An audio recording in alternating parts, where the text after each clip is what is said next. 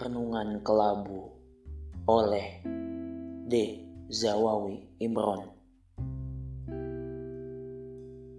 Air tergenang dan rawa terhampar bagai tengadah ke langit basah. Air keruh, tapi ikan-ikan terus berbiak. Tak ada yang takluk pada alam, yang ada rumput ganggang kupu-kupu, dan kumbang-kumbang yang seirama dalam menunjang persaudaraan. Tuhan dan malam seakan bergantian, padahal tak bergiliran. Kecuali katak yang meluncur, seakan hanya ia paling pandai berenang. Tak terbayang di benaknya teluk, apalagi laut, apalagi samudera, tempat para juru mudi menguji kesetiaan tangan terhadap hati.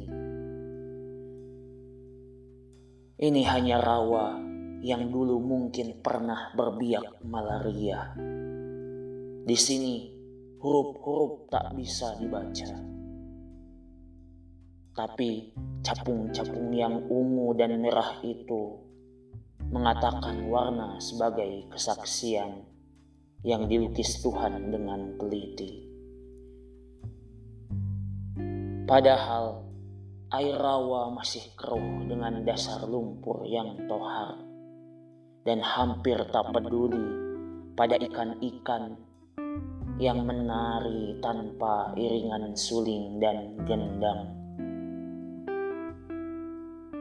Saat capung-capung menjauh, rawa ini seperti merenungi kesederhanaannya sendiri yang abu-abu. Jiwa di sini serasa bisu dan baka.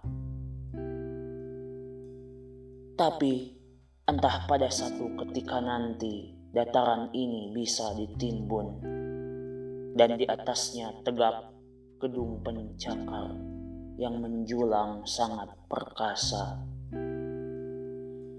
Kebakaan itu tiba-tiba terpangkas oleh lagu dan jingkrak pikuk dalam pergumulan warna.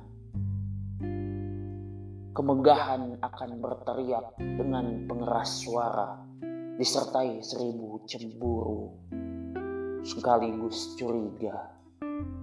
Ah, Kenapa aku bayangkan itu? Padahal itu urusan imajinasi anak cucu. Sementara kulihat capung merah itu datang mengingatkanku pada renungan baka dalam kelabu.